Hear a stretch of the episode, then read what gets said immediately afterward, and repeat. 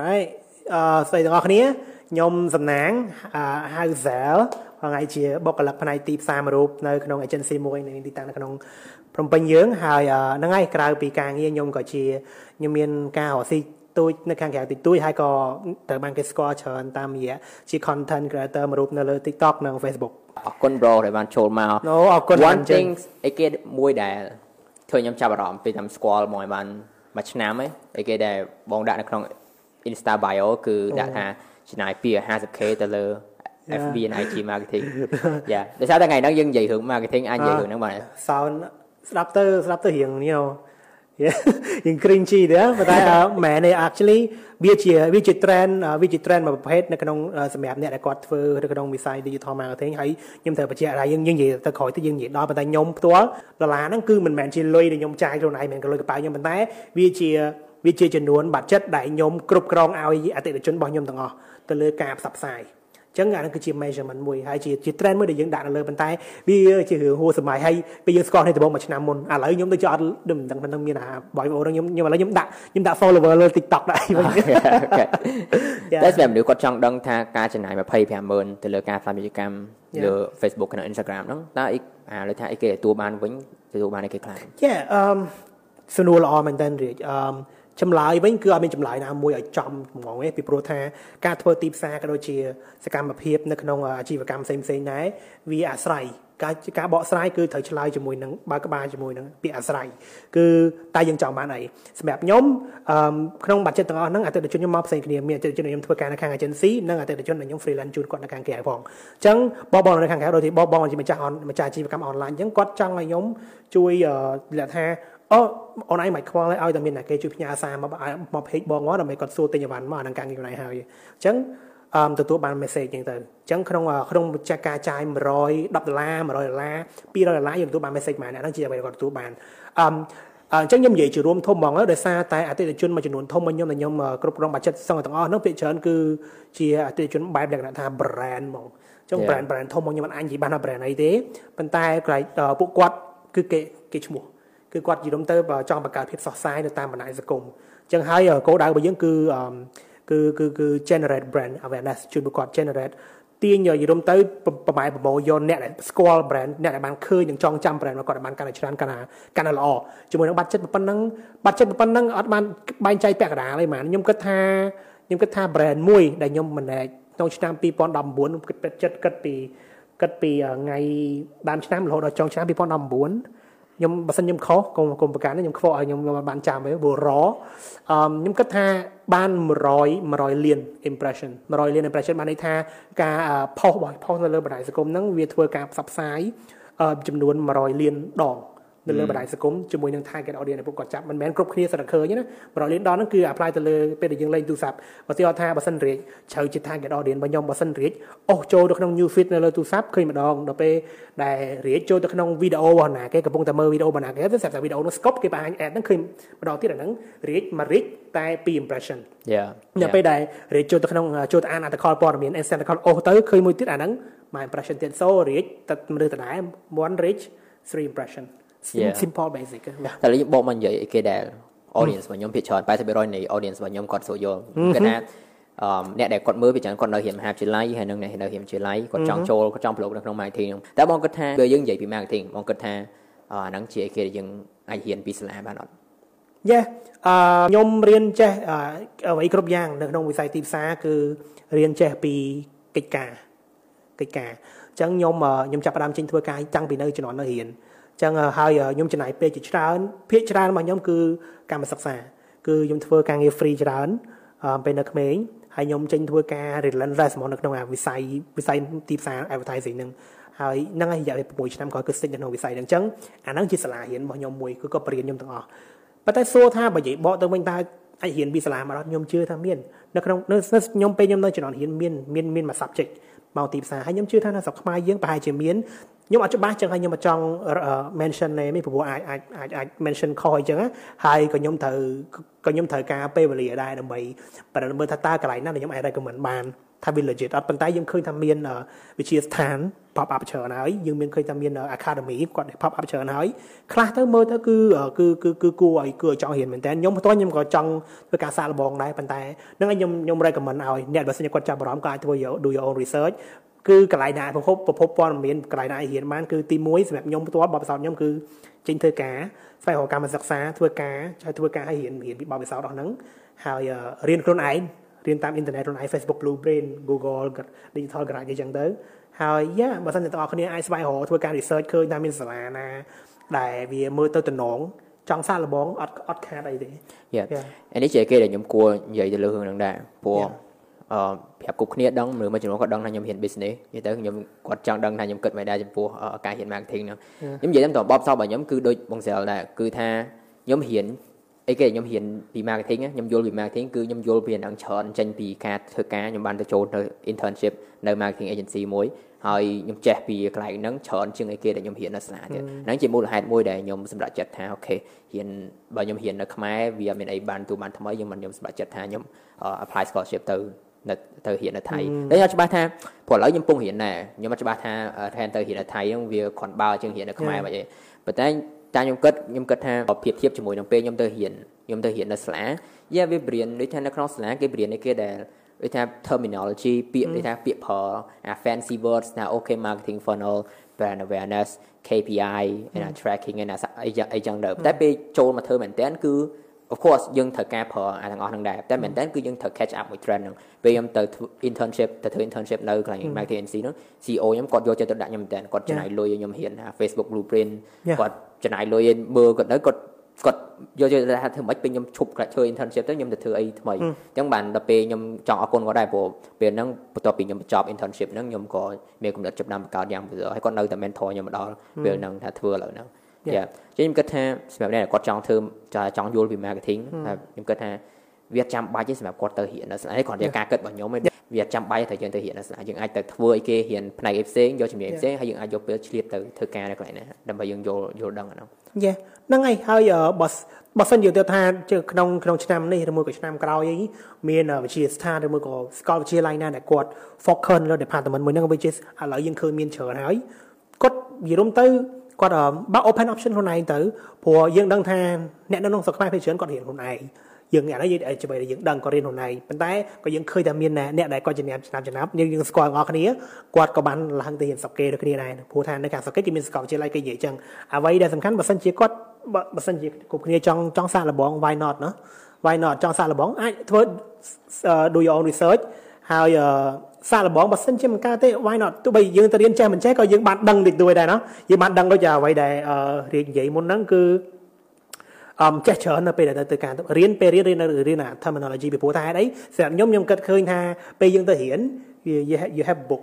you know យើងមានសភៅយើងមាន rule book មួយយើងត្រូវតែ follow នឹង teacher professor យើងឲ្យគាត់យើងក៏យើងមើលសាស្ត្រាចារ្យយើងក៏យើងមើលធ្វើសភៅហ្នឹងនៅពេលដែលយើងធ្វើការអត់មានពេលយើងមានពេលទៅបើកសភៅទេយ៉ាហើយបែរយើងធ្វើ marketing ម្ដងហ្នឹងវា marketing វាមិនមែនផ្លូវត្រង់យើងអាចដើរបានទេខ្ញុំគិតថាទោះបីជាយើងនិយាយនៅក្នុង podcast នេះបានយូរប៉ុណ្ណាក៏យើងអាច cover បានគ្រប់គ្រប់សពដែរព្រោះមនុស្សយើងត្រូវដឹងពី algorithm ដែលដែលផ្លាស់ប្ដូររហូត algorithm របស់ Facebook YouTube ការខ្ញុំធ្វើ internship ហ្នឹងអត់ទាន់មាន TikTok ចេញមកអត់ទាន់មាន TikTok អញ្ចឹងយើងត្រូវអូខេធ្វើ marketing នៅក្នុងស្រុកខ្មែរផ្ដោតទៅលើ Facebook ហើយនឹង YouTube Instagram ក៏ពេលហ្នឹងអត់សូវអត់សូវខ្វល់គេមានគេសូវខ្វល់ទេពេលហ្នឹងអឺបងគិតថាក្រៅពីការយល់ដឹងពី algorithm តើមានអីគេផ្សេងទៀតដែលគាត់គួរយល់ដឹងច្រើនច្រើនច្រើនរៀងហើយហើយ well AIDS ខ្ញុំផ្ទាល់ខ្ញុំមានរឿងច្រើនទៅរៀនពីនេះដែរព្រោះរៀងរៀងក្នុង Facebook គឺ like you know Facebook page របស់រាជគឺ perform ល្អមែនតើអញ្ចឹងហើយខ្ញុំផ្ទាល់ខ្ញុំក៏មានរឿងច្រើនខ្ញុំតាមតាម content ដូចគ្នាដែរអឺ Facebook នៅឥឡូវវានៅរៀង challenge សម្រាប់អ្នកដែលខ្ញុំមិនដឹងថាជំនាន់ពេលរាជទុំយល់ទៅមាន viral វិញ viral ដំបូងវាស្រួលប៉ុណ្ណាឬមួយក៏វាពិបាកប៉ុណ្ណាសម្រាប់បច្ចុប្បន្នដូចខ្ញុំអញ្ចឹងខ្ញុំមានវីដេអូមួយដែលខ្ញុំផុសកាបឧទាហរណ៍ថាសប្តាហ៍មុនឡើងដល់ទៅ2សែនមានមានចំនួនរិច2សែនរិចក្នុងសប្តាហ៍នេះខ្ញុំផុសវីដេអូនេះខ្ញុំនៅតែទទួលបាន1000រិចដូចគ្នា យើងអត់ថាអូអានេះតែមានឡើងហើយមិន TikTok ឥឡូវអត់ទេបើ TikTok បើសិនជាមានវីដេអូបំមួយអាផ្សេងទៀតចាប់ផ្ដើម view មកអូអូហើយវាដូច Facebook ពីមុនអញ្ចឹងតែឥឡូវវាវាផ្លាស់ប្ដូរ again algorithm change រហូតអញ្ចឹងរៀនធ្វើការផ្សព្វផ្សាយហើយបន្តធ្វើការផុសអឺរៀនមើល insight នៅលើក្នុងក្នុង page របស់យើងយើងចង់មើលថាតើតើ page របស់យើង audience របស់យើងគាត់គាត់ active នៅម៉ោងប៉ុន្មានគាត់ behavior របស់គាត់ឯគេគាត់ react ជាស្រ័យគាត់ react ទៅលើ post ឯគេបើថាគាត់ ឆ្លើយតបជាមួយយើងទៅលើ post ប្រភេទម៉េចពួកគាត់ចូលចិត្តមើលរូបស្លឹកឬមួយគាត់ចូលចិត្តមើលវីដេអូអញ្ចឹង and then um មានរឿងច្រើនទៀតធ្វើការកន្លែងដែលអ្នកទាំងអស់គ្នាអាចចង់បើចង់ដឹងបន្ថែមជាពិសេសគឺនៅលើ Facebook Facebook Blueprint ហើយមានរឿងយីច្រើនអ្នកនរគ្នាអាចរៀនបានពីកន្លែងហ្នឹងហើយតាមដាន website ដែលគាត់និយាយពី digital marketing ច្រើនតាមដាន Facebook page អឺជាស្រ័យ Facebook page របស់អ្នកដែលគាត់ចំណាប់ចំណាំនៅក្នុងស្រុកខ្មែរយើងដូចជាបងអឺ បងបងបងប្រុសបងប្រុសងុនតេងអតីតគាត់ជាអតីត digital marketing smart គាត់ផុសតាក់ទងគាត់ចែកម្លែកព័ត៌មានល្អៗទៅទៅរឿងនឹងច្រើន website social media today.com អញ្ចឹងណាគឺជាកន្លែងដែលអ្នកទាំងអស់គ្នាអាចធ្វើការតាមដាននិងរៀនពី algorithm នេះព្រោះថាវា change រហូតអញ្ចឹងហើយវាមានរឿងត្រូវរៀនច្រើនបន្តរៀនបើសិនជារៀនបានតាមដាន commercial មួយរបស់ creator ម្នាក់នៅខាង Malaysia គាត់ឈ្មោះ Jen សូម Jen យ៉ាយ៉ា យ៉ាគាត់ជាគាត់ជា creator មួយរូបដែលខ្ញុំខ្ញុំឥឡូវខ្ញុំតាមខ្ញុំមើលគាត់យូរហើយប៉ុន្តែមួយរយៈក្រោយនេះគាត់ blow គាត់ blow up មែនតើពីព្រោះគាត់គាត់ផលិត content ដែលដែលអឺ promote ទៅលើ product ដែលមក partner មួយគាត់ប៉ុន្តែគាត់ make it more entertainment មានន័យថាគាត់ធ្វើឲ្យ commercial អា product placement មួយហ្នឹងវាវាគួរឲ្យចង់មើលមែនតើគាត់ធ្វើឲ្យវីដេអូពាណិជ្ជកម្មវាគួរឲ្យចាប់អារម្មណ៍វាតាក់ទាញ right បើន័យថាមិនមនុស្សគ្រប់គ្នាដឹងឃើញថាអូគាត់ផ្សាយពាណិជ្ជកម្មវីដេអូហ្នឹងគាត់ចង់ចូលមើលពីព្រោះថា she gonna she gonna roast គាត់គាត់គាត់ make fun នៅលើ product មួយហ្នឹងគាត់ make fun of herself អញ្ចឹង best ad in Malaysia yep yep this is មើលនេះអត់ copyright ណោះ hopefully um, not maybe turn off the sound you mind yeah turn off the sound so watch it turn off the sound so her style best ad in Malaysia right so yeah ថ្ងៃមុនគឺគាត់ best sell person in Malaysia អញ្ចឹងទៅគាត់លក់ឡានលក់អីយ៉ាងណា so clearly យើងគាត់តែមើលឃើញអាហ្នឹងជាជាជាឡានអេតឡានហ្មងខ្ញុំសុំខ្ញុំសុំនិយាយឈ្មោះឡានហ្នឹងណា BMW ហើយយើងគាត់អាចមើលយើងដឹងគាត់ផ្សាយឡានហ្នឹងហ្មងប៉ុន្តែសម្រាប់ពួកយើងចំណាយពេល retention ពួកយើង5នាទី6នាទីអង្គុយមើល ad ដល់ចប់ that's her goal Facebook គាត់ខ្ពស់ជាងនឹងទៀតគាត់ល្បីនៅលើ Facebook ខ្លាំងមែនទែនពេលគេ you see the entertainment ពេលដែលយើងចូលមកយើងឃើញពាក្យ ad គឺយើងចង់ចុចមើលពីព្រោះគាត់គាត់គាត់ដឹងគាត់ច្បាស់មកថាគាត់នឹង make fun នៅ product ហ្នឹង she make she gonna roast the owner of the product and everything បើយើងមើល So MJN ទីហោបើបងស្រាវឲ្យមើលគឺពួកគាត់ត្រូវការ production ខ្ពស់តែមានត្រូវការមាន team team របស់គាត់ច្រើនអ្នកដើម្បីរៀបចំថតវីដេអូមួយមួយចេញមកតែយើងមានមនុស្សមួយទៀតបើម្នាក់ហ្នឹងឈ្មោះបានគូអេងខ្ញុំដាក់ឲ្យមើលបានគូអេងបកប្រែមកថាអឺផ្ទះរបស់អញជា បោះ content របស់គាត់គឺអត់មានត្រូវការ production ច្រើនគឺ storytelling របស់គាត់គឺគាត់ប្រើរូបភាពតែជា storytelling ហើយក្នុងហ្នឹងគឺដូចបងនិយាយថាពេលខ្លះអាយើងគិតថានឹងជា funny យើងដឹងថាគាត់ដាក់ product អីចូលមកក្នុង advertise advertise ហ្នឹងចំណុចមួយពេលដែលយើងឃើញប៉ុណ្ណឹងធំអត់បានទេពេលយើងគាត់ជាពិសេសយើង fan គាត់យើង follower គាត់ណាពេលយើងឃើញប៉ុណ្ណឹងយើងធំអត់បានទេវាជា dopamine មកយើងមកយើងត្រូវតែ យើងចង់ចុចមើលយើងចង់អូម្ដងមកស្លឹកម្ដងមកស្លឹកឃើញមិន10ស្លឹកអូខេអូម្ដងចង់ដឹងថាដល់ចុងក្រោយវាមានមានអី surprise អត់បាទយ៉ាតែ you see នៅក្នុង like ក្នុង content របស់គាត់អត់មានត្រូវការ production ច្រើនហើយខ្ញុំខ្ញុំសារគាត់មែន like ពេលខ្លះ storytelling នឹងយើងខ្លះគិតថាបង្កើតបង្កើត content មួយត្រូវការត្រូវការរបស់ច្រើនតែនៅក្នុងនេះគាត់នេះគាត់អាចបង្ហាញថាការបង្កើតពាណិជ្ជកម្មមួយស្មោះពាណិជ្ជកម្មមួយគឺអត់ចាំបាច់ត្រូវការច្រើនយ៉ាយ៉ាយ៉ាយ៉ាយ៉ា marketing ឥឡូវវាវាវាវាសង្កត់ដោយអា content ប្រភេទទាំងអស់ហ្នឹងឯង something ដែលវាងាយស្រួលពីព្រោះមានតែហ្នឹងឯងដែលនិយាយរំទៅយើងនិយាយចេះ cliche មែនតើណាប៉ុន្តែ production ធំធំអត់អាចយកឈ្នះអា content ងាយស្រួលហ្នឹងឯងពីព្រោះថានៅពេលគាត់មាន idea គាត់អាចចេញទៅក្រៅផ្ទះគាត់ឥឡូវគាត់ផលិត content ឥឡូវគាត់ផុសឡើងផាច់ស្អែកឡើងគាត់មកវិញគាត់មាន50000 engagement នៅលើ Facebook បើពួកយើងជា brand ធំធំហើយពួកយើងអាឡៃ expect ថា production high quality ហ្នឹងតំបំតែយើងមាន approval តំបំតែយើងមាន equipment យើងត្រូវសរសេរ storyboard យើងថតយើង film យើង post production យើងកាត់មកវិញ quality ខុសគ្នាគុណភាពនឹងខុសគ្នា story យើងត្រូវចំណាយលុយលើ boost ហ្នឹងដែររាប់ម៉ឺនដុល្លារតែយើងតំបំតែយើងយើងមិនទាន់ finalize ការងារចប់គាត់ផលិត content ប្រភេទនេះដែល telling better story ហើយអញ្ចឹងយរុំទៅអាភាពងាយស្រួលវាឈ្នះអាភាពពិបាកចាំឲ្យយើងឃើញក្នុង marketing អូខេបងចូលដល់ចំណុចបញ្ចប់នៃ content ហ៎ Yeah so uh, let's sum it up សម្រាប់អ្នកគាត់ចង់ដឹងថាចាគាត់ពងរៀនលើហ្នឹងអាចថាពងរៀនជាឡៃមហាវិទ្យាល័យគាត់ចង់ចូលក្នុងវិស័យ marketing បងគាត់ថាគាត់ត្រូវត្រៀមខ្លួនមិនដែរហឹមអូខេទី1គឺអឺ well ទី1បើសិនជាយើងនៅរៀន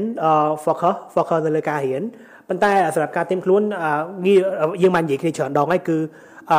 កន្លែងចាប់ផ្ដើមល្អបំផុតទាំងអស់គ្នាគឺស្វែងរកកម្មសិក្សា ស្វែងរកកម្មសិក្សានៅក្នុងក្រុមហ៊ុនបែបផ្សព្វផ្សាយពាណិជ្ជកម្ម